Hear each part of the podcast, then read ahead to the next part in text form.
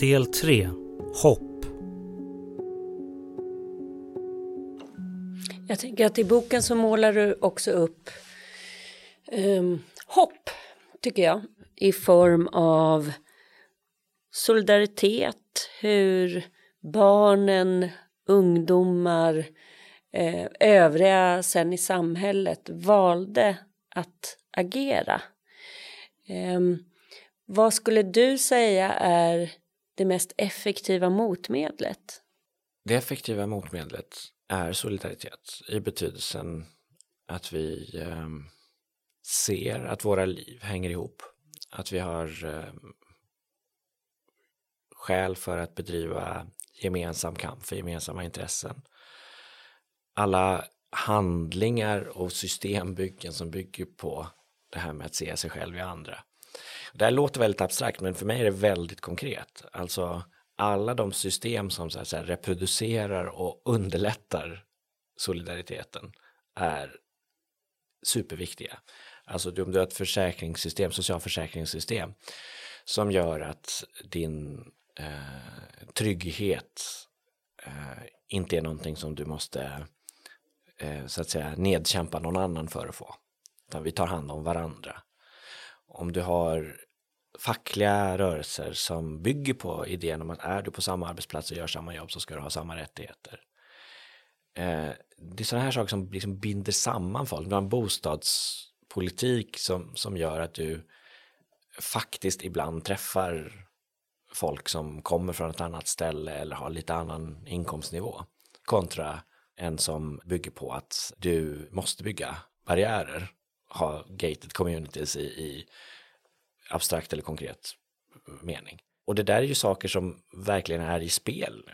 Vi ser att det finns ett väldigt starkt stöd egentligen i befolkningen i, i Sverige och också i många andra länder att, att egentligen behålla och stärka den typen av, av strukturer. Men vi ser också en formidabel utmaning mot dem där vi har under ett kvartssekel av, av nyliberalism undergrävt dem. Och det här alternativet som du beskriver att se sig själv i andra. Vad är det egentligen? lite mer konkret?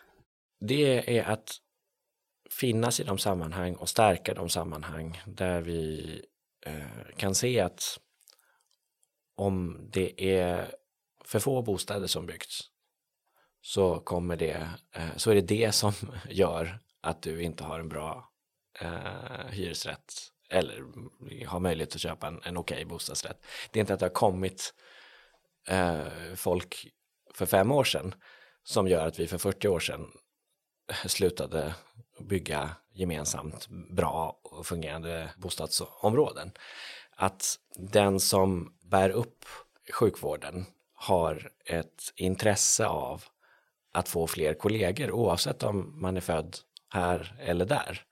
Och att det är pengarna som försvinner ut till skatteparadis istället för att läggas på mödravården eller på vårdcentralerna som är det stora problemet.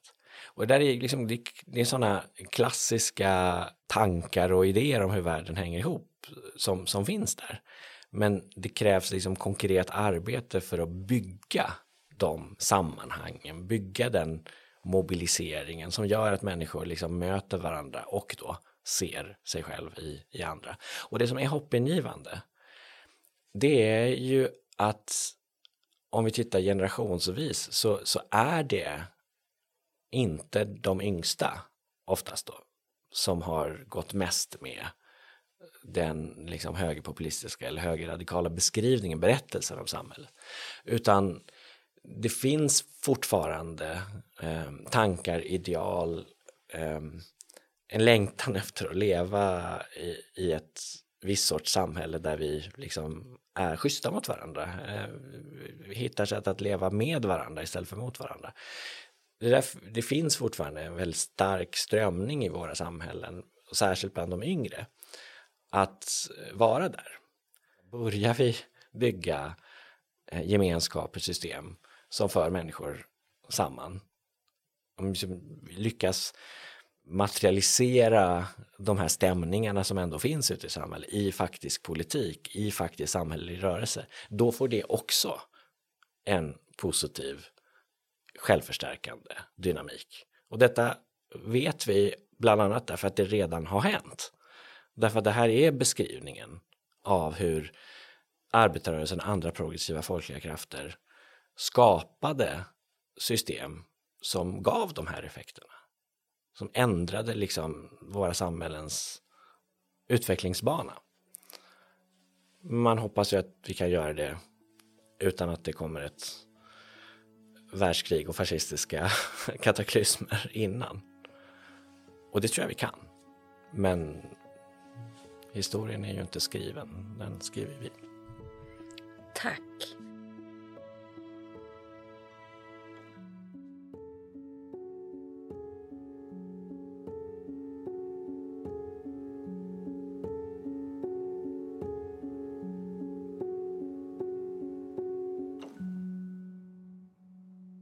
Du har lyssnat på Efter Utöja, ljuddokumentären, Leopard förlag